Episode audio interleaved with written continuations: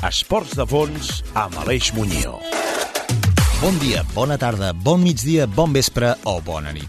Sigui quan sigui que ens esteu escoltant, sigui d'on sigui, des d'on i quan ho feu, benvinguts a 13. Benvinguts al 99è 13, el programa dels esports de fons. Si per fi... Sí, per fi, i no sabem per quant temps, podrem gaudir de tot el territori. Per poder-ho fer, hem de ser responsables, contenir-se i, sobretot, gaudir de cadascun d'aquells racons que ara podrem redescobrir. Aquí a 13 repassarem l'actualitat dels esports de fons, del ciclisme en totes les seves modalitats, del triatló i el duatló, de l'esquimo, de l'atletisme i també del trail running. Entrenament, curiositats, reflexions, anècdotes i rutes, tots tenen espai a 13. I sabeu per què? Doncs mireu, ara canviarem l'hora. Els dies s'allargaran i mica en mica reprendrem tot allò que se'ns ha privat. Una temporada de neu atípica, que ens ha permès gaudir i experimentar i experienciar tot allò que teníem a l'abast. I això ens demana responsabilitat. Ens demana no baixar la guàrdia i ens demana que ens cuidem al màxim en tots els sentits. Més que mai, actuar localment pensant globalment. Com dèiem, aquí 13 és la casa de tots els apassionats i apassionades dels esports de fons. Aquí és la casa de tots aquells i aquelles que no ens fa res passar fred al matí, matinar per fer allò que més ens agrada. Els mateixos que quan tothom ja s'ha recollit a casa són capaços de calçar-se les bambes i anar a córrer desafiant el poder del sofà, quan tothom ja està calentó preparant el sopar. Els que quan veieu 9,6 km al vostre GPS doneu voltes per davant de casa per fer els 10 km. I els que formeu part de l'equip de descobridors dels termes municipals, propis dels municipis termeners de tota la comarca i ara ja de tot el territori. 13. Una producció de We Run per a Ràdio Sabadell i que podeu escoltar a la vostra ràdio de proximitat gràcies a la xarxa de comunicació local de Catalunya i també subscrivint-vos al podcast de Spotify. 13, tal com sona, 13, en lletres. I el que volem des de 13 és que tota aquesta situació de restriccions esportives escampin la boira, que puguem competir i entrenar amb normalitat, que les muntanyes ens tornin a acollir, que els camins tornin a obrir-nos els seus racons. Per fer-ho, necessitem que cadascun de nosaltres sigui responsable. Sí, tenim moltes ganes de sortir i de veure món, i de veure també el nostre món, els nostres amics, els nostres familiars, familiars que viuen fora de les nostres comarques. Però hem de ser conscients que som fràgils i que tot comença des del mateix punt, nosaltres mateixos. Que escampi la boira de les restriccions i que escampi la boira totes aquelles actituds irresponsables i picaresques que no ajuden a créixer i evolucionar, el que ens fa estar com estem com a societat en aquesta delicada situació. Fly away. Escampeu la boira. Vola enllà restriccions, pandèmia o qualsevol tipus d'actitud egoista o picaresca.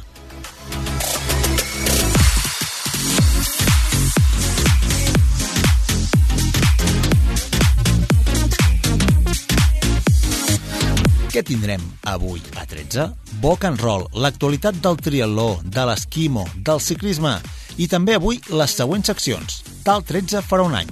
Què va passar al món i al món dels esports al 1999? Omnibus, descobrirem a la protagonista d'avui, algú que va entendre que les normes no estaven fetes per a ella. Al tercer temps, seguirem desmuntant els falsos mites del món de l'esport i els falsos influencers esportius. Tirreno Adriàtico, París-Niça, Challenge Miami, Campionat del món de triatló d'hivern a Andorra... L'actualitat del món dels esports no para i sembla que s'encomani del que la primavera suposa. Obertura, eclosió i activitat. Tot seguit, des de 13, repassem què ha passat en el món dels esports.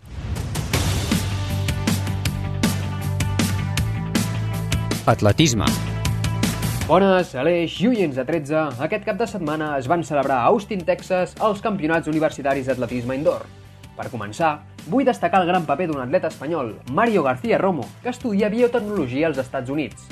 Aquest jove de només 21 anys va aconseguir cap de setmana la medalla de bronze a la final dels 3.000 metres dels campionats universitaris, amb una marca de 7 minuts i 48 segons. Aquesta marca hauria estat suficient perquè l'Espanyol s'hagués endut la plata en els recents campionats d'Europa en pista coberta de Torun, Polònia, on, com vam explicar la setmana passada, va vèncer el noruec Jacob Ingebrigtsen. L'atleta salmantí va arribar a la meta només per darrere de dos nord-americans de l'equip d'Oregon, Cole Hawker, que en menys de dues hores va guanyar els títols de 1.500 i 3.000 metres i Cooper Ter. Des de l'inici de la cursa, Ter va marcar el ritme. Va passar el primer mil en 2 minuts i 38 segons, el segon mil en 5 minuts i 18 segons i encara estava al capdavant al toc de campana. Però Hawker, que partia com a favorit, va demostrar les seves grans dots atlètiques i el va batre en l'esprint final, on va fer un canvi de ritme que el va permetre passar de la tercera a la primera posició, arribant a meta fent el darrer quilòmetre en només 2 minuts i, 20, i 27 segons, arribant amb un temps de 7 minuts i 46 segons. Pel que fa a la milla, com ja he dit, la victòria va ser també per l'atleta d'Oregon Cole Hawker, amb un temps de 3 minuts i 53 segons, fent un rècord del campionat i assolint d'aquesta manera un doblet històric en la distància de la milla i els 3.000 metres. El podi de la milla el van completar Elliot Kipsang i Wallet Sulman. Pel que fa a les noies, a la milla va dominar de forma molt clara l'atleta de Colorado Sage Urta, que va posar-se líder des del principi de la cursa i no va deixar opció a cap altre atleta d'atrapar-la. Es va imposar amb un temps de 4 minuts i 30 segons. Al podi el van completar dues atletes d'Arkansas. En segon lloc, Chrissy Jer, amb un temps de 4 minuts i 32 segons, i el tercer lloc va ser per Kennedy Thompson, amb 4 minuts i 33 segons. Pel que fa als 3.000 femenins, la victòria va ser molt, molt ajustada i no es va decidir fins l'esprint final. La victòria se la van dur Courtney Wayman amb un temps de 9 minuts i 1 segons. Lauren Gregory d'Arkansas va arribar en segona posició amb 9 minuts i 2 segons i el podi el va completar Joyce Kimeli amb un temps de 9 minuts i 3 segons. En quant a la prova de cross universitari, es van realitzar dues carreres, pel que fa a les noies, es va fer una cursa de 6 quilòmetres, on des del primer moment ja es va crear un grup capdavanter d'unes 20 atletes que es van anar reduint a mesura que anaven passant els quilòmetres. A falta de només 1.000 metres, Mercy Chelangat, d'Alabama, va fer un canvi de ritme molt fort que van poder seguir només dues atletes, però que finalment es van desenganxar en els darrers 200 metres. La victòria se la van dur Chelangat amb un temps de 20 minuts i un segon, i el podi el van completar Taylor Rose d'Oklahoma State amb un temps de 20 minuts i 6 segons i la companya de Chelangat, Amaris Tinisma, amb 20 minuts i 10 segons va completar el podi. Pel que fa als nois, es va realitzar una cursa de 10 quilòmetres, on el domini va ser clarament de Conner Mans, que va esdevenir el primer corredor d'origen americà des del 2008 en guanyar el títol de campió de cross universitari, amb un temps de 29 minuts i 26 segons. El podi el van completar Nadel Wilschut, de Carolina amb un temps de 29-48 i Wesley Kiptu, que després d'anar líder als tres primers quilòmetres va acabar tercer amb un temps de 29-54. Finalment, vull destacar una gesta que va succeir per primer cop en la història dels campionats. Jubauk Harrison va fer història en l'atletisme universitari. Aquest atleta es va coronar campió de salt d'alçada i de longitud en els campionats sota sostre universitaris dels Estats Units, amb dos plusmarques mai abans aconseguides en aquesta mateixa competició. En concret parlem de 2 metres 30 en el salt d'alçada i 8 metres 45 en el salt de llargada, que li va servir per fer el rècord del campionat.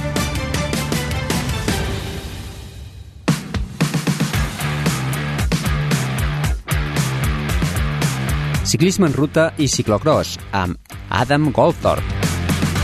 Siles Llorentis de Treci. La temporada de ciclismo en carretera ya está a tope. Esta semana dos mini tours. El primero, el Panis Nice, y luego, acabando hoy, el terreno Adriático. En Panis Nice, todo iba bien, iba bien para el eslovaco Primoz Roglic, con tres etapas ganado, incluyendo un sprint bestial para robar la penúltima etapa llegó, eh, él llegó la última día con 52 segundos de ventaja. Pero en las bajadas Roglic se cayó no una vez, pero dos veces. Después de la primera caída, su equipo hizo un trabajo enorme para reconectar con la pelotón. Pero con la segunda, Roglic estaba solo. La victoria fue para Maximilian Schuckermann, que revalidado su título y Roglic quedó fuera de las primeras diez. No hay imágenes de los caídos, pero hay muchas imágenes de, de, entrevista cuando Roglic felicitó al ganador y asumado toda la responsabilidad él mismo. Vaya crack. El otro tour de la semana fue el terreno adriático, acabando hoy con un time trial ganado para Walt Van Aert que ganó el Campeonato del Mundo Felipe Gano. En la clasificación general, Tadej Pogacar ganó después su empuje, pues ha sido empujado todo el rato para, para van Aert. El otra cosa interesante de esta carrera fue der Poel. El domingo, él ganó la etapa reina. Faltando 50 kilómetros para la meta, Mathieu Van der Poel lanzó un ataque y llegó a tener casi cuatro minutos de Alvantaki. Pero con las condiciones muy duras, con mucho frío, Pogacar lanzó su ataque. En los últimos kilómetros casi ganó, pero Mathieu Van der Poel aguantaba y ganó la etapa. Espectacular. En la clasificación general, Pogacar tenía más de 20 minutos sobre Mathieu Van der Poel. Entonces nadie sabía por qué él lo ha hecho. Mathieu Van der Poel contestó que tenía un poco de frío. Por eso ha lanzado el ataque. Vaya crack. Esta semana tenemos más preguntas que respuestas. Rodblix puede remontar después su fracaso en Nice y Mathieu Van der Poel van a ganar el Milan San Remo este fin de semana o estaré cansado. Realmente no lo sé, pero tenemos que esperar. Hasta la próxima.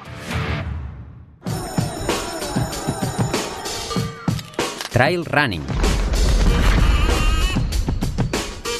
Hola de nou, Aleix i Ullens de 13. A continuació parlaré de l'actualitat del trail running d'aquesta setmana. Actualment ens trobem en la temporada d'esquí de muntanya i és per això que no tenim cap cursa per comentar dels darrers dies. Tot i això, sí que aquest cap de setmana ens ha arribat la notícia sobre el funcionament que tindrà una de les grans carreres que es fa cada any, la Transvolcànica. Aquesta és una carrera que realitza l'illa de Palma, a les Canàries. És una cursa molt dura de 83,3 quilòmetres i un desnivell acumulat de 8.500 metres.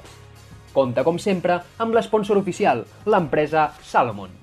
En paral·lel, també es disputa la modalitat de la mitja marató i des del 2014 la marató i el quilòmetre vertical. Aquest any, l'organització de Transvolcània ha decidit unificar en els plans d'Aridane les metes de l'ultramarató, la marató i la mitja marató, amb l'objectiu que tots i cada un dels atletes que participin tinguin al final del seu recorregut el mateix protagonisme. La prova principal la celebrarà l'última setmana del mes d'octubre. Aquest canvi afectarà sobretot a la mitja marató, que en anteriors edicions ha discorregut des del far de Fuencaliente fins al refugi del Pilar, compartint el primer tram de la Ultra per la ruta dels volcans.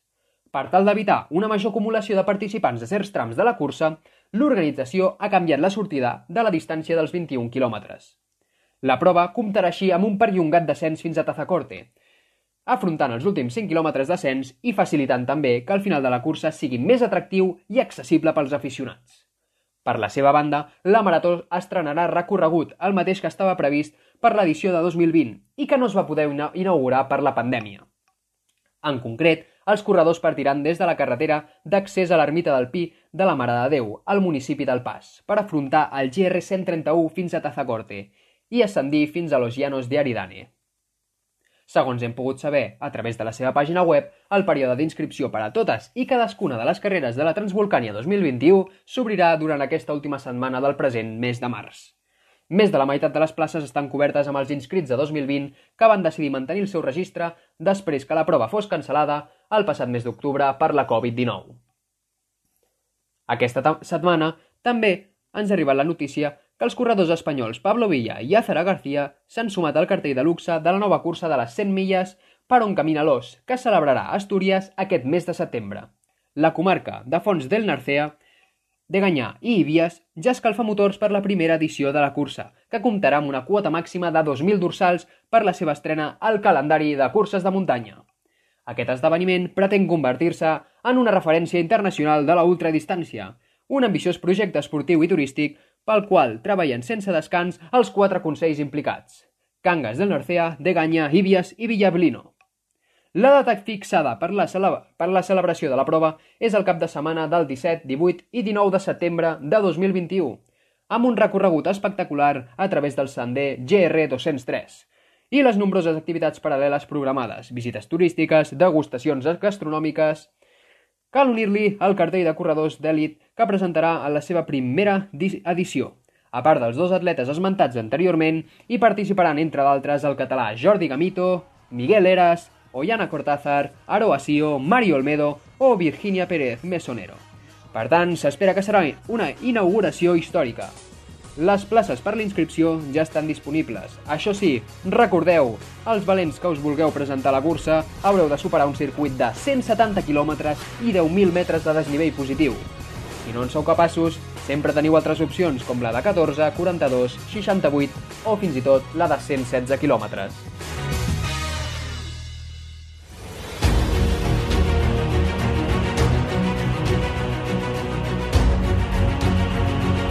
Triatló amb l'Aleix Muñoz. Rodeno retornen les competicions amb un domini aclaparador aquest cap de setmana, els dos números 1 mundials de la llarga distància, Daniela Riff i Jean Frodeno, han tornat a les competicions després de més d'un any absents per l'aturada Covid. Aquesta aturada havia generat certs dubtes perquè a les seves opcions de triomf. Més potser per en Frodeno, que s'afrontava a 4 o 5 homes d'èlit mundial que Daniela Riff. El camp de batalla li semblava més fàcil. Els dos van fer carreres similars i van guanyar amb realment molta solvència. Daniela Riff va ser la primera a competir. Ho va fer l'Ironman 70.3 de Dubai, en un circuit pla i molt ràpid. Va baixar de les 4 hores i va ficar més de 5 minuts a la segona. I Mosh Simons, la seva companya d'entrenaments. La seva carrera, doncs, va ser clara, sense aclaparaments, en el grup de cap nedant, deixant fer en bici, però sempre controlant. Encara que anés a 1,50 de la líder. Quan va voler va decidir baixar-se amb ell en bici. Li van bastar els 20 quilòmetres finals per prem una miqueta l'accelerador i retallar-li gairebé dos minuts. Després es va tastar realment a peu, on no va parar fins al final, aconseguint un temps final de 1.16.50 en els 21K. El seu domini, doncs, va ser brutal, continuant el seu regnat de guanyar-ho tot, excepte l'Ironman Kona del 2019, en el qual va haver de conformar-se amb un lloc 12. Tot apunta, doncs, que tornarà amb força per tornar a guanyar el seu cinquè Kona i el seu quart mundial d'Ironman 70.3, a més de la Collins Cup, i algun full que faci pel camí. Si anem a la banda femenina, va, si estan parlant amb la banda femenina, ens n'anem ara a la banda masculina, Jan Frodeno, qui no havia corregut també des de Kona 2019, que el va guanyar de carrer. Va córrer el Challenge Miami, prova en la que Lionel Sanders i Bomberg eren rivals de molta entitat a part d'altres decidus a grans llocs en carreres de llarga distància. La seva forma de guanyar ha deixat a tot el món amb la sensació que no té cap mena de rival a llarga distància. Ni els noruecs podrien amb ell. Com sempre, dominant la situació a l'aigua, a peus de qui ell tria, en aquest cas Ben Canoter, després amb una bici molt tàctica.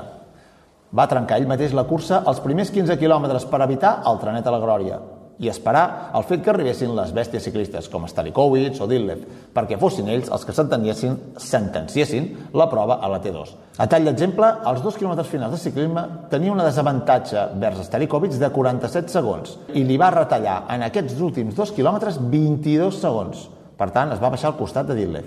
Després, a la cursa a peu, va donar la sensació, des de fora, que anava molt i molt fàcil, que li quedaven encara dos canvis a les cames, va guanyar en dos minuts sobre Sanders, però amb la sensació que tot ho tenia totalment controlat i fàcil. Sens dubte, Kona és el candidat principal a guanyar. Seria el seu quart títol. A més, igual que Riff, serà el líder europeu de la Collins Cup.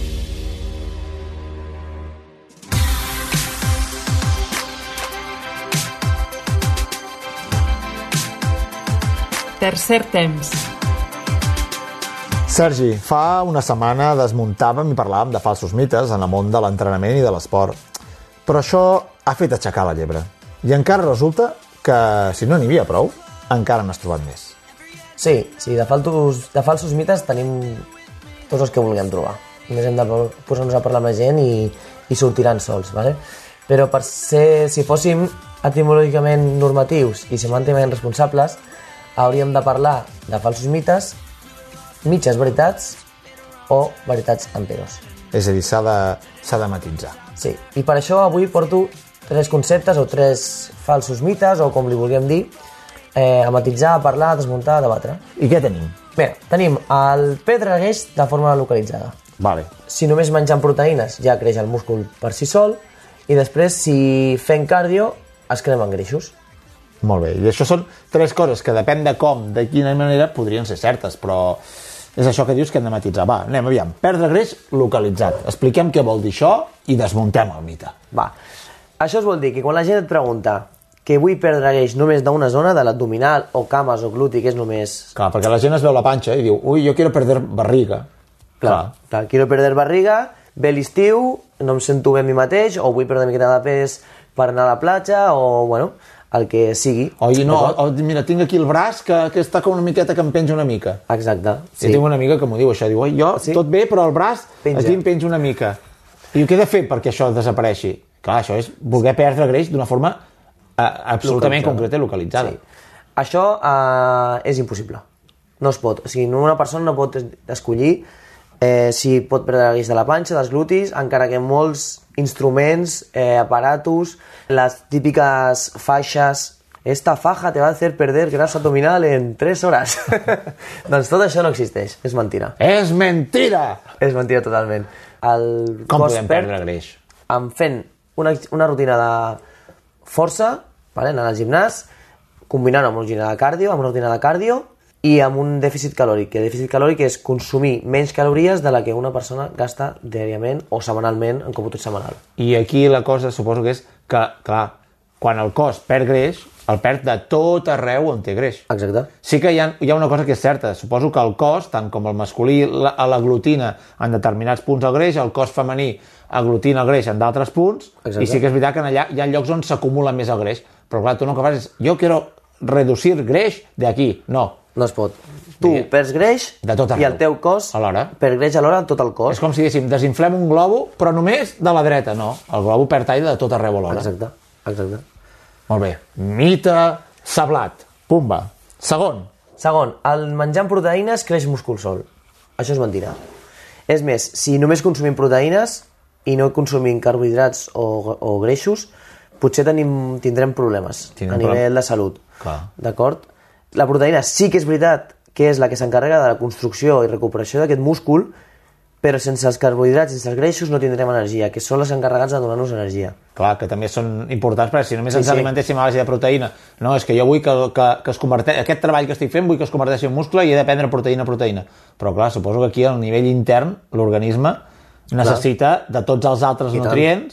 Sí, d'acord? Que és allò que parlàvem un dia que del, del cercle aquell amb el tant per cent de tot, Exacte. doncs És, és important perquè sí, eh, la proteïna és important perquè si no consumim proteïna la regeneració muscular no, no, no es produirà però si no consumim carbohidrats no tindrem el gasoil per ni, ni fer la nostra vida diària o sigui, potser ens aixequem com ens aixequem i estem cansats tindrem son tot el dia eh, doncs, potser ens costa fer molta més les coses perquè vas amb mandra i clar, això és que no tens Que no té benzina no tens benzina al cos, exactament Clar, llavors per això tant és... eh, Ara corregeix-me, aviam si estic dient un fals mite. Quan arribem depèn de quins entrenaments, tant si són de llarga durada com d'entreno de gimnàs, eh, prendre proteïna és el moment adequat? Sí, a veure, no hi ha un, no hi ha un temps que diguis 15 minuts, mitja Allò hora, a dels 30 l'instant... minuts, allò de la- No. Es s'obre una finestra anabòlica Sí. I ja durant, durant les 24 hores més o menys. Doncs durant aquest temps podem menjar, el que passa que clar, ens entra gana. Clar. clar jo quan surto d'entrenar al rugby o al gimnàs, perquè jo no soc, jo no soc runner, no? Però imagino un runner, quan arriba a casa, doncs primer es dutxarà o, o potser té gana i menja directament, però a mi m'entra gana després d'entrenar. Potser no directament, però sí que a la mitja hora, tres quarts d'hora, jo tinc gana. I sobretot set. Llavors, eh, clar, la proteïna la podem ingerir en forma de batut o en forma de menjar sòlid, cada un que s'ho prengui com vulgui. Però jo sempre faig combinació de proteïnes i carbohidrats. Clar, és a dir, Sempre. per exemple, posa-li pel cas, surto de fer 3 hores de bicicleta. Durant la bicicleta he menjat una barreta i tot, però clar, quan arribes al cos l'has estat exigint durant 3 hores. Clar. Què seria l'ideal que s'hauria de menjar quan s'arriba d'això? Jo faria una combinació de proteïnes i carbohidrats. Jo, per exemple, després d'un partit de rugby, que també és exigent, Home, i de mastegots, però bueno, Sí. els mastegots no te'ls salva cap batut. no, Llavors vas tota la setmana amb els dits inflats que semblen xorissos. clar, i eh, el que faig és prendre un batut de proteïnes i un plàtan, per exemple. Això seria correcte. Molt bé, mite desmuntat. Anem a pel tercer. El tercer és eh, es cremen greixos fent cardio, només fent cardio, que no és ni... és una mitja veritat. És, això és matitzable, val, és sí, una mitja podem veritat. matitzar, podem matitzar. Mentira, no seria, però seria una mitja veritat. Clar. S'ha de matitzar. Exacte. Si tu fas una dieta nutricional amb dèficit calòric, tu per si sol, sense fer exercici, perdràs pes. En un dia normal, Sí. Jo, Sergi de la Torre, eh, menjo X calories, necessito X calories per viure. Bueno, per viure. Per, ser, per una normocalòrica. Clar, no és a dir, ni greixo... ningú ara, clar. exacte. Ni greixo, sí, he he sigut unes paraules incorrectes. Ni m'engreixo ni perdo pes. Si la resto, ni resto unes calories, perdré greix, sense fer exercici, cert. Si li fico cardio, perdré... És una ajuda extra que tu li fiques al cos per perdre greix. Però a més, si ho combines amb una rutina de força, que la força l'hauria de treballar tothom, tothom, hauria de ser obligatori. Hauria de ser obligatori, treballar força. D'acord? Eh, amb, una ajuda, amb una rutina de força i cardio, perdrem molta més greix. és a dir, si només fem cardio, Pes. uh, si només És una ajuda extra. és una ajuda extra, Sí. però vull dir, si sobre també introduïm treball de força, encara... Exacte. Perquè hem de tenir en compte que un, un cos amb més musculatura eh, necessita més energia, gasta més i el seu eh, el ritme metabòlic és molt més alt. accelerem el procés metabòlic, És per més tant, xucla Contra més i tira més. Contra més múscul, més ritme metabòlic. Molt bé, doncs mite, fals, uh, fals mite desmuntat i matitzat. I ara, aquí ja, que avui hem fet aquests tres mites que, que havies portat, ara tenies una cosa que tenies ganes de compartir també amb nosaltres. Amb mi i amb, i amb, i amb qui ens esteu escoltant. Aviam, Sí, la, explica'm. la veritat és que portem un temps parlant d'això i és el... Fora, fora, fora de micro. Exacte, sí. sí. Eh, I és el tema d'intrusisme professional, que segurament en el món dels runners existeix, perquè existeix, en el món del gimnàs existeix, En el món i en el món de l'esport, tot, en general, existeix. El món dels els tècnics esportius, eh, per molt que s'hagin regulat ara les titulacions i tot, hi ha molt intrusisme professional. Això és cert. Com diu el món del futbol, en Espanya de futbol sabe todo el mundo. Exacte. Doncs en el món dels runners, en el món dels ciclistes, en tot l'àmbit esportiu, com en de tots els àmbits de la vida, hi ha gent que en sap molt. Des de fer un forat a la paret, a com s'han d'ordenar una carpeta. Exacte. Què passa? Que ara tenim, nosaltres nostre, no parlem de com s'han de ficar les coses en una carpeta ni com s'han de ficar quadros a la paret, perquè si no ens diríem doncs, eh, Ikea o vés a saber qualsevol altra mm. casa. Doncs no Conforama, que fa tres mesos que estic esperant una cadira. Si des d'aquí ens esteu escoltant, senyors Conforama, ja us val també una mica, ja us val. El servei postventa, fantàstic. Des d'aquí faig la meva queixa. Dilluns ja obren, pots anar a buscar-la. Sí, sí, no? clar, no ho sé. doncs, escolta'm, però, però aquí el cert és que, que sí, que hi, ha, que hi ha intrusisme. Nosaltres ens parlem del món de l'esport. I en el Sí, món de l'esport hi ha intrusisme. I tu, que estàs molt posat en xarxes socials, que, que ho petes i que tens més de 30 i pico mil seguidors en el TikTok, sí? Ja ho dic bé, ja en són més, ja, i tot. 38.000, si dues vegades arribarem dintre de poc. Dintre de poc hi ha els 40.000. Vaig amb els 40.000, sí. Vinga, va, podeu seguir-lo, Sergi, eh? I quin és el teu TikTok? Dancing barra baixa molts. Dance, Dancing Malls, veieu que està molt relacionat amb el seu tema. Podeu comptar que hi trobareu. Però aviam, va, què és, què és el que ens volies parlar des d'aquest- d'aquesta faceta? Perquè clar, és un món, el món de les xarxes socials, que no hi ha, ningú et demana cap titulació ni cap criteri per penjar vídeos. No. Clar, I segurament quan una persona contacta una altra a un professional, diguéssim, entre cometes, que ell creu que és un professional, no li demanarà un títol. No. No, no li demanarà. I més que avui en dia que els contracta... que et- t'escriuen per Instagram o per TikTok directament, dient soc tal, em dic Sergi La Torre i faig rutines d'entrenament personal i eh, aquestes són les fotos, competeixo en culturisme, competeixo en runner, o competeixo, o competeixo corro 10.000 o corro maratons i o faig preparo bici gent. i tot això, clar. Sí. I a partir d'aquí, la meva aquí- experiència... Clar, és què és aquí, doncs, treballo. llavors, una de les coses? Clar, si la teva carta de presentació és totalment visual, com són les xarxes socials, per poder presentar el teu perfil, més que els teus títols, què és el que veu la gent? El físic. Clar, el físic. És a dir, que Clar. clar, si, si posem el Torrente a, a dir que és un entrenador a, a, exemplar, potser la gent no el contractaria, el Torrente. Exacte. Clar, què, què és el primer que necessitem? Si heu de generar un perfil fake de- d'intrusisme professional, el primer que hauríeu de fer hauríeu de tenir un cos que pugui semblar que heu, heu entrenat de forma molt adequada. Clar, clar, és el que et vendrà. Clar, vull dir, és, és així. Sí, sí. És No, el que I no estem parlant de Tinder, estem parlant de, del, del tot cas, l'intrusisme professional de l'entreno. Sí. Clar, i què, és, I què és el que ens trobem? Doncs que està ple, no?, de, a les xarxes socials de, Sí. de gent que està molt fit o que sembla que estiguin fortíssims Sí. o que estiguin molt fibrats. Exacte. que sí que, que jo no dic que no sàpiguen, perquè potser saben, saps? Però saben de la seva pròpia experiència. Ah. O sigui, ells, ells, ell t'està fent una rutina sobre la seva pròpia experiència, sobre Sergi La Torre fa aquesta dieta de 3.500 calories, però A funciona, no necessita les 3.500 clar, a calories tu et funciona, per ja augmentar està. múscul. Potser Clar. necessita 3.000, però ell, com no sap com ha tret el seu nutricionista o com ha tret ell mateix aquestes 3.500 calories, perquè potser s'ho ha inventat, perquè ha vist que consumint menjant una borrada puja de pes, perquè és així, perquè si menges una borrada i entrenes puges de pes sí o sí, doncs el que fa és, li fa el mateix per tothom, i no pot ser. Potser estàs parlant, potser ara amb, amb això que estàs dient, estàs ja parlant d'algun cas que t'ha resultat molt frapant i molt concret. Sí, bueno, hi ha molts casos, però hi ha un cas a les xarxes socials... És a dir, parlarem nois, nois i noies, senyors i senyores, eh, adolescents i adolescentes, nens i nenes, que escolteu 13, quan ho estigueu escoltant, eh, ja el Sergi ha trobat un cas que seria com Un exemple de, un exemple, del sí, que no s'ha de un contractar. exemple de, que, que podria fer-nos veure doncs, el, que, el que estàs parlant, d'intrusisme professional. Sí. Exacte. Sí, a la xarxa social hi ha un home que es diu... Bueno, un jove home, que es diu Maurelac, i bueno, pues ell posa exemples de plato para perder grasa. Home, plato para perder grasa, mm, no existeix això. Home, sí, si et menges un préssec al dia perdràs greix. Clar, bueno, per És el greix i, i, perder i, el coneixement. Potser perdràs greix i el coneixement. Sí, clar. Si et menges un McDonald's, perdràs greix. Et menges Clar. un McDonald's, Un una McDonald's, hamburguesa, clar. una Coca-Cola i unes patates. Clar, i te consigo que bajes grasa comiendo McDonald's. Clar. Aleshores, ell fa una, un exemple Aviam, de que tot s'ha de dir, que l'estem veient, que podeu seguir-lo si voleu, que fibrat està, i està ben fort aquest home. Sí, sí, sí, ell està fort, És el que dèiem.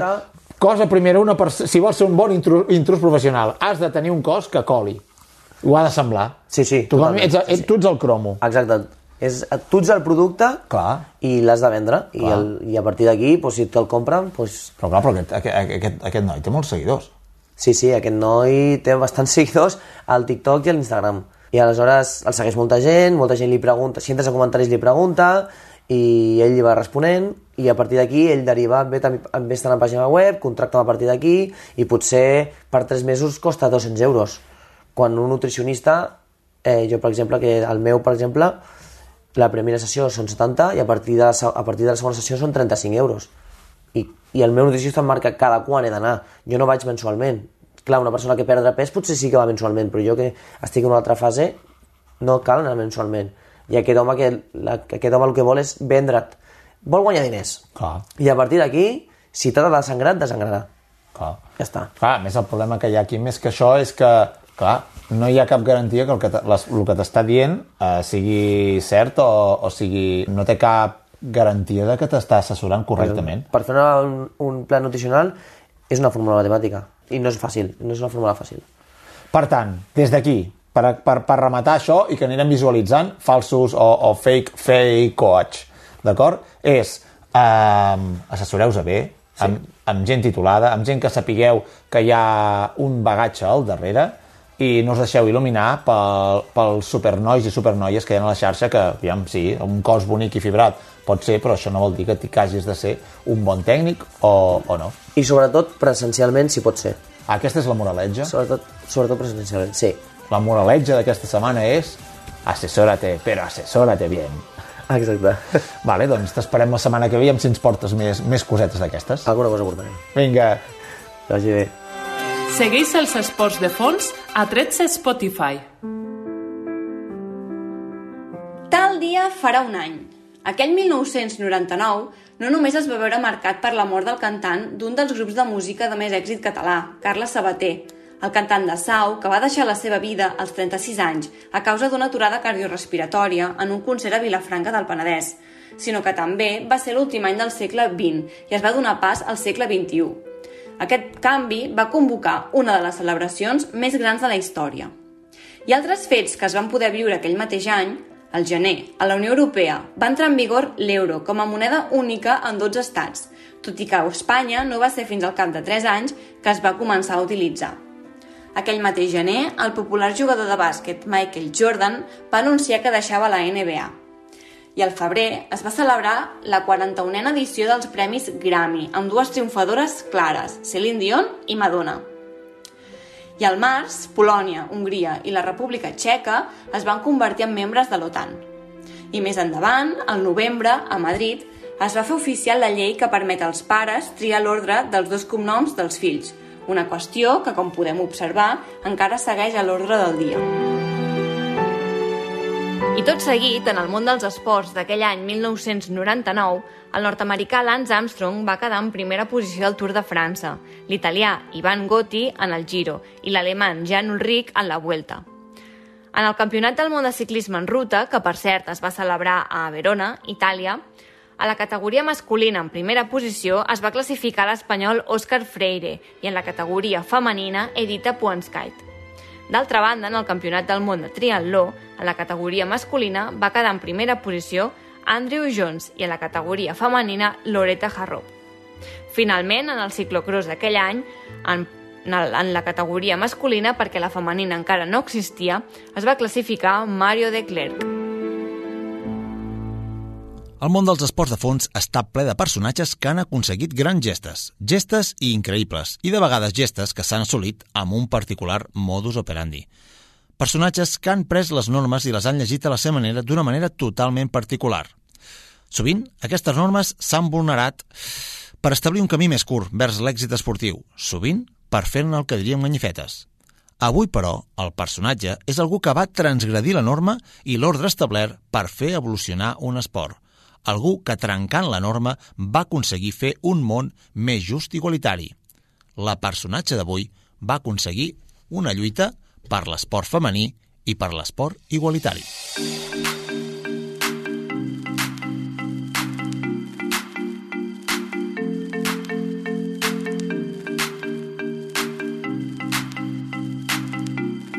Òmnibus, amb Joan Molla.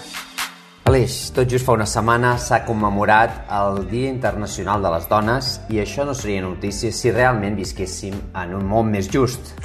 És més, Joan, el que hauria de ser notícia és que no tinguéssim o no haguéssim de tenir un Dia Internacional de les Dones. La resta dels 364 dies, de, de qui seria? De qui són? Dels homes? Doncs, malauradament, potser sí. Sense potser, segur.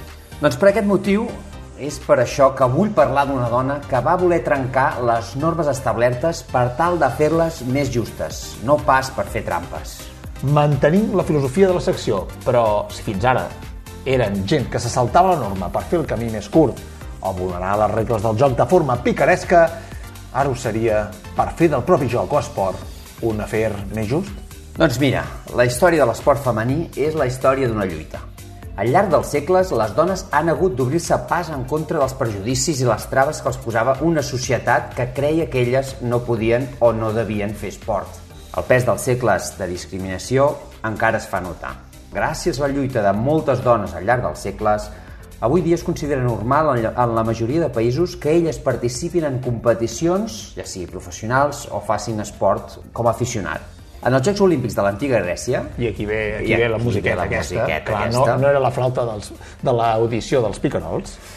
Doncs ja a l'antiga Grècia se celebraven fa més de 2.000 anys eh, aquells Jocs Olímpics eh, clàssics. Només podien participar-hi els homes. Fa 2.000 anys. Clàssics seria... Sí, no eren, sí. sí. vull dir, vintage, eh, clar, sí, sí. Però que no era, no era com els moderns que, no. que hem vist tots per la clar, tele. Exacte.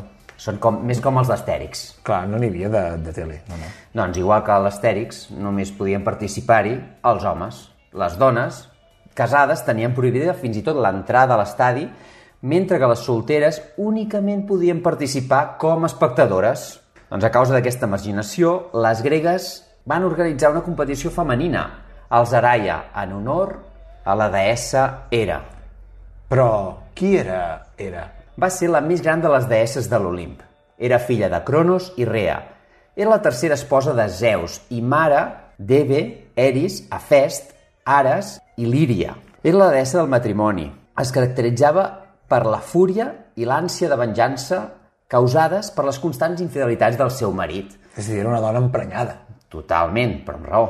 Li està consagrat el paó, perquè en les seves plomes porta els 100 ulls d'Argós, fidel servidor de la deessa. No d'Argos, d'Argos. D'Argos, d'Argos. Els, els ulls del paó, tanmateix... Pa Paó seria pavo real per qui tingui un català més d'estar per casa, no? Això, aquell de les plomes així que les, que les estarrufa i fa com un ventall. Sí que fa... Sí, què? Això és un gall d'indi. Sí, no. ah, ah, val, clar, és veritat, és el gat d'indi. Bueno, però són de la família, són germans. Pensava, ai, que- com si fos una sarigüeixa. Sí, és una cirigüenya, exacte. Uh, els ulls del paó, tanmateix, també representaven els ulls que havia de tenir Hera per vigilar el seu marit Zeus perquè no li fos infidel. El Zeus, per tant, era un trepa i estava casat amb la Hera. I la Hera era molt observadora. Va Molt, amb aquests ulls sí, Clar. i això la va, la va fer que desenvolupés aquest caràcter agre i fort. El cert és que ens ha arribat molt poca informació sobre aquests Jocs Olímpics femenins de... Era, que, bueno, que aquests que comentem, però se sap que només participaven dones i se celebraven cada 4 anys.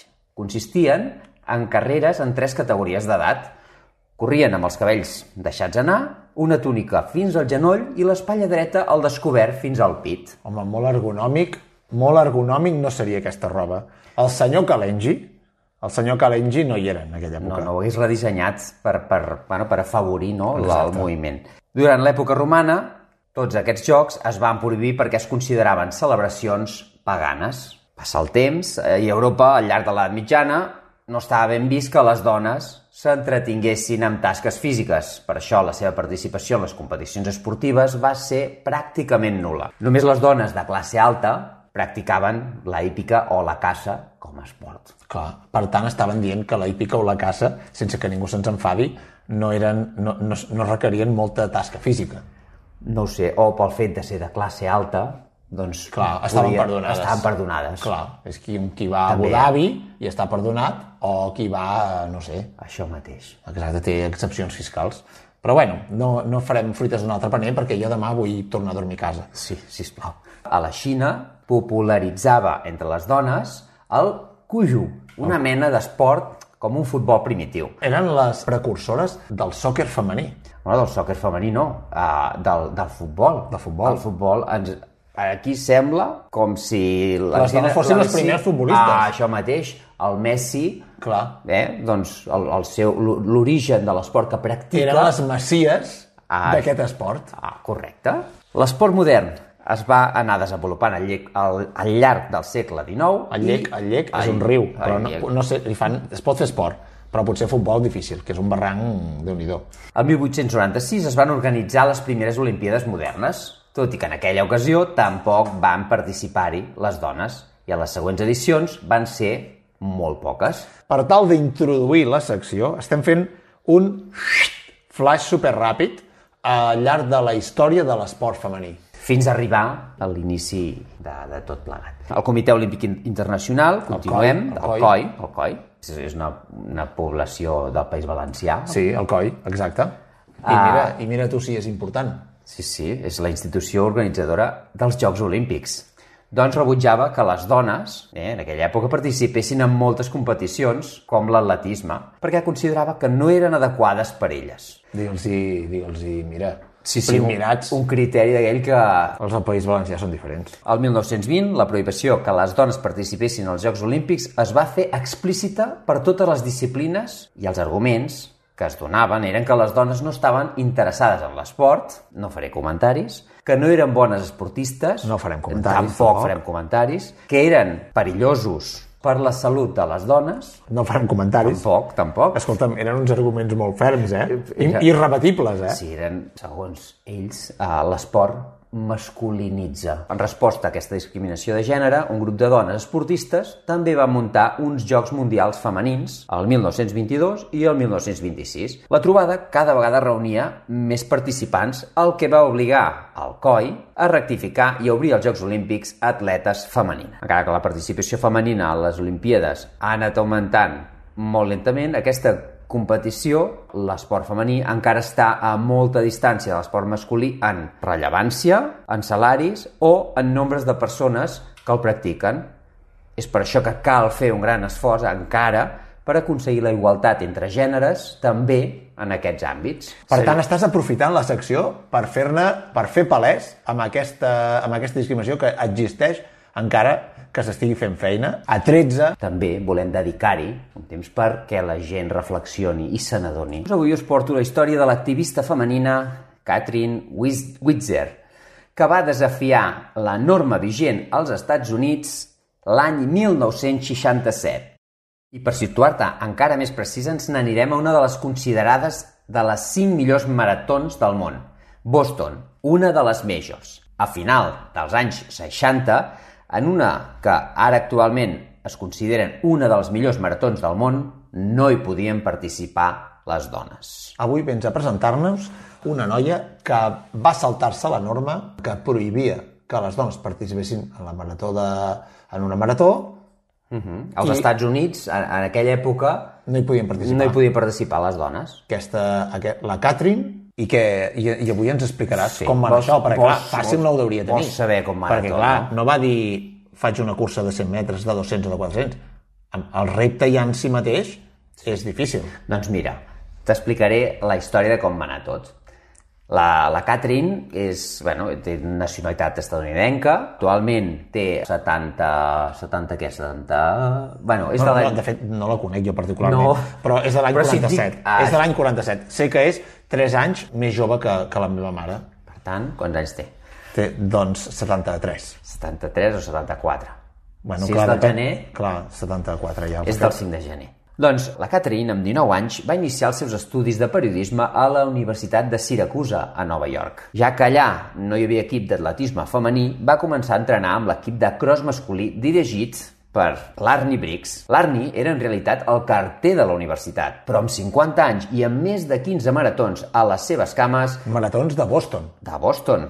Tenia la suficient experiència com per exercir d'entrenador. Va estar molt emocionat al veure una dona en, la, en el seu equip. I així va ser com la Catherine va començar els entrenaments. A la universitat cada nit recorrien un bon grapat de quilòmetres pels voltants. L'hivern a Nova York és dur. Sí, a l'hivern, doncs, òbviament, eh, el clima doncs, té aquestes nevades. Mentre ho feien, l'Arni eh, els engalipava explicant-los històries de la Marató de Boston per fer-los menys durs a Els l'entrenament. distreia, els distreia. Els explicava nits. històries, batalletes. Ah, els això explicava mateix. batalletes a la Marató de Boston. Doncs a la, a, la Catherine, a la Catherine li encantava sentir aquestes històries.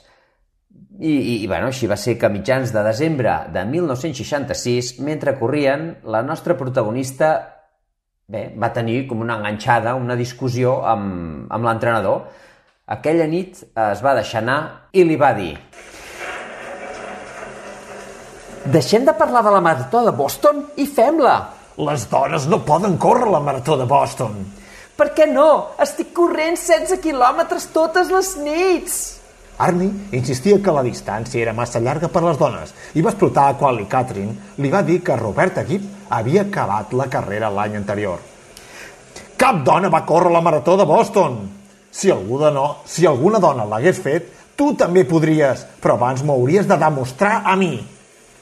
És més, si realitzes la distància en entrenaments, jo seré el primer a portar-te a Boston. La Catherine va fer un somriure i es va dir a si mateixa «Ho aconseguiré!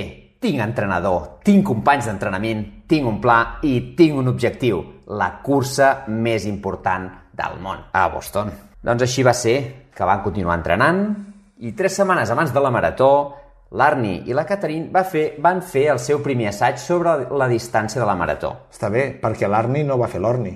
A mesura que arribaven a la recta final, la Catherine se sentia millor. Així que li va suggerir a l'entrenador que fessin un pas més només per tenir més confiança de cara a la cursa. L'Arni va acceptar, a contracor, i van continuar 8 quilòmetres més. Bé, de fet, de fet posa 5 milles al nostre guió, però clar, és que aquí no sabem què és una milla. Això mateix. Bueno, Ara sí, són 1,6 quilòmetres, però amb quilòmetres s'entén més clar. Fem un quilòmetres. Sí. Ells ho feien en milles, però nosaltres Clar. ho traduïm a l'europea. Sí. Arribant a la, al quilòmetre 50, La milla 31. Ah, això mateix.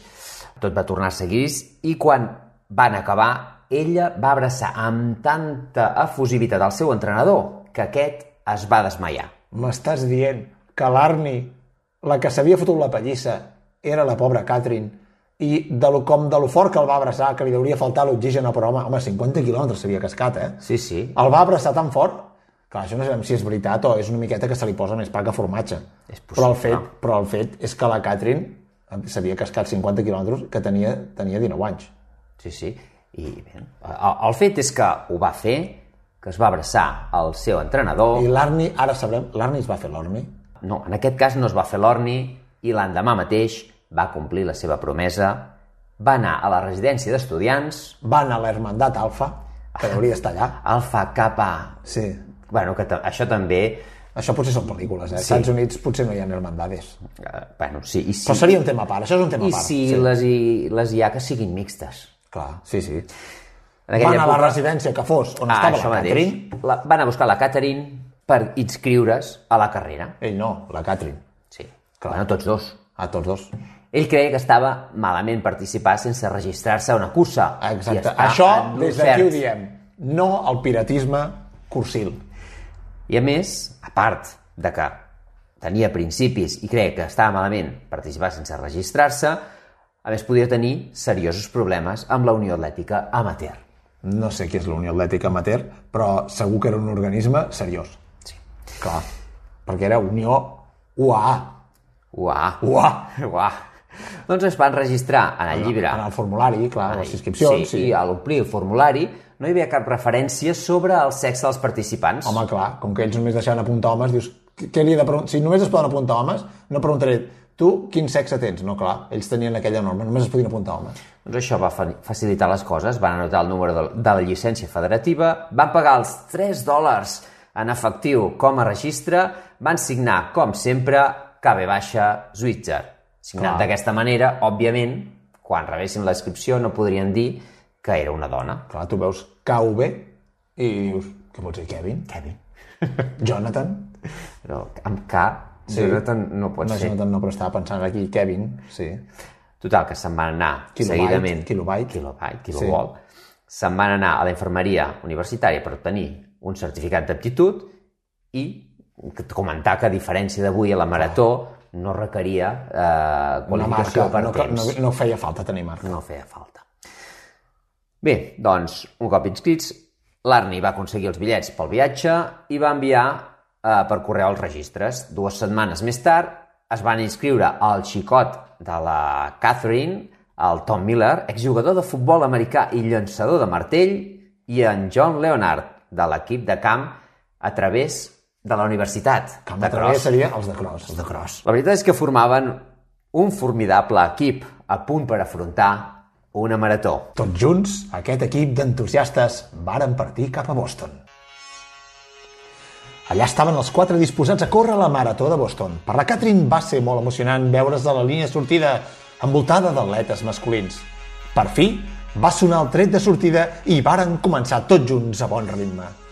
Quan altres corredors els passaven deien «Oh, és una noia!» i l'Arni deia amb orgull «Sí, l'entreno jo». Tot d'una, la Catherine va veure una camioneta de premsa que es va posar a la seva altura i va escoltar els fotògrafs dir «Més a poc a poc, més a poc a poc», mentre els feien fotos. En el vehicle també viatjaven els directors de la carrera. Un d'ells era el temperamental i combatiu Jock Semple. Tot d'una, Semple va aturar el camió, va saltar i va córrer darrere la nostra protagonista. Li va agafar del braç esquerre mentre es cridava Fot el camp de la meva cursa i dona'm aquest dorsal! Aquest home tenia la cara més furiosa que havia pas mai la nostra jove, que llavors només tenia 20 anys. Realment estava fora de control. Ella estava aterrida, però de sobte el seu xicot, Tom, li va fer una empenta que va fer volar, que la va fer volar de la Catherine. Aquest senyor va volar, diguéssim. Voló. Voló d'ell. Sí. Va ser en aquell moment quan els periodistes es van posar més agressius i van començar a preguntar-li que què tractava de mostrar. Ell els responia que només estava tractant de córrer, que s'havia entrenat seriosament per la distància i que no abandonaria. Finalment, van marxar i tot va tornar a la normalitat. Continuaren la marxa. La neu queia. Ningú deia res. La Catherine va mirar l'Arni i li va dir Arni, crec que t'he ficat en un gran embolic. No sé quina és la teva postura en això, però jo acabaré aquesta carrera, de genoll si cal, però ningú creu que sigui capaç, perquè ningú seu creu que sigui capaç de fer-ho. I si no acabo, tots creuran que les dones no podem fer-ho, que no mereixem estar aquí, que no som capaces. Decididament, he d'acabar aquesta carrera. I l'Arni, amb dos dits de front, li va dir «Vale, però primer redueix la velocitat. Oblida't del que ha passat i centra't, només en poder acabar». La Catherine i els companys van baixar el ritme i es van agafar de les mans. La mà esquerra de la Catherine estava mullada i congelada després de perdre el guant a l'incident. Va estirar la màniga de la seva suadora i va colorir-se, però no era prou llarga. Finalment, va acabar la carrera en 4 hores i 20 minuts. Doncs res, la Catherine ens ha deixat un, un llegat enorme De fet, la foto, la foto d'aquest moment està immortalitzada i està en els anals de la reivindicació de l'esport femení. De fet, la foto va fer la volta al món i es va convertir una, una, en una icona després d'aparèixer a la revista Time, com una de les 100 millors fotos, una de les 100 fotos que va canviar el món. La Catherine Switzer va fer campanya perquè les dones poguessin participar de forma oficial a la Marató de Boston. Finalment ho va aconseguir convertint-se en la primera cursa en ruta en què van participar dones de forma oficial. Switzer va, va córrer, va continuar corrent i va córrer fins a 39 maratons més, vencent a la Marató de Nova York de l'any 74 i aconseguint la seva millor marca personal al 75 després d'acabar segona a Boston amb una marca de 2 hores 51 minuts i 33 segons. El 1978 va posar totes les seves energies en la creació de l'Avon Run, un circuit internacional només per dones que, amb el temps, va arribar a 27 països, amb més d'un milió de participants. Aquesta enorme participació i les grans marques aconseguides van convèncer a gran part del Comitè Olímpic Internacional per incloure la marató femenina als Jocs Olímpics l'estiu de 1984. Encara que ja retirada de les competicions, el, la Catherine va tornar a ser protagonista després de penjar el seu dorsal. De penjar-se de nou al dorsal a Boston. Sí, per celebrar el 50è aniversari de la seva primera marató, va ser el 5 de novembre del 2017, 50 anys després de fer història.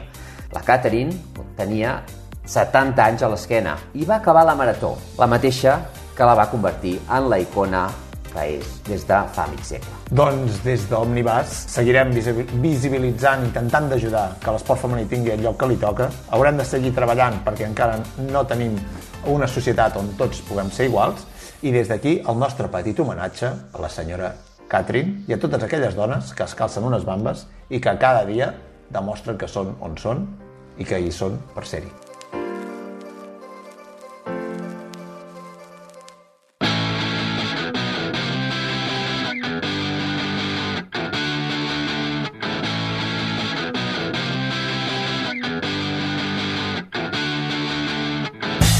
Tanquem 99 hores de 13. Avui tanquem el 99è programa amb la col·laboració de Joan Moya, Adam Goldthorpe, Guillem Caldés, Xavi Palaí i Sergi Latorre, amb el suport tècnic d'en Roger Benet i del gran Sergi Covero. I ara 13, quan vulgueu i on vulgueu. Ja som a Spotify. Teniu a la vostra disposició el podcast de 13. 13, tal com sona, en lletres. Podreu linkar-vos-en directament també des del nostre perfil d'Instagram, arroba 13 espai esports de fons. De debò, gràcies per formar part de la família de 13 i d'aquests 99 programes. Una producció de WeRun per a Ràdio Sabadell i que podeu escoltar també a la vostra ràdio de proximitat gràcies a la xarxa de comunicació local de tot Catalunya. Soc l'Aleix Muñoz i us espero la setmana que ve. Poseu-vos el casc, la mascareta, vigileu, sigueu prudents, no deixeu d'estar pendents del temps i cuideu-vos. Cuideu-vos molt. Gaudiu de cadascun dels segons del que per nosaltres és la millor època de l'any, la que estem ara mateix. Comenceu a fer plans per a Setmana Santa i gaudiu del primer cap de setmana de descoberta de tot el nostre territori. Feu amb compte i cura. Us volem a tots i a totes aquí, a 13, a casa vostra. A 13, la casa dels esports de fons. I el que volem des de 13 és que tota aquesta situació de restriccions esportives escampin la boira. Per fer-ho, necessitem que cadascun de nosaltres sigui responsable. Sí, tenim moltes ganes de sortir i de veure món, de veure també el nostre món, els nostres amics, els nostres familiars que viuen fora de les nostres comarques, però hem de ser conscients que som fràgils i que tot comença des del mateix punt, nosaltres mateixos. Que escampi la boira, les restriccions, que escampin la boira totes aquelles actituds irresponsables i picaresques que no ens ajuden a créixer i evolucionar, el que ens fa estar com estem, com a societat, en aquesta delicada situació. Fly Away, escampa i la boira, vol enllà. Acomiadem avui el programa amb Fly Away de Lenny Kravitz, un hit del 1999. Girl,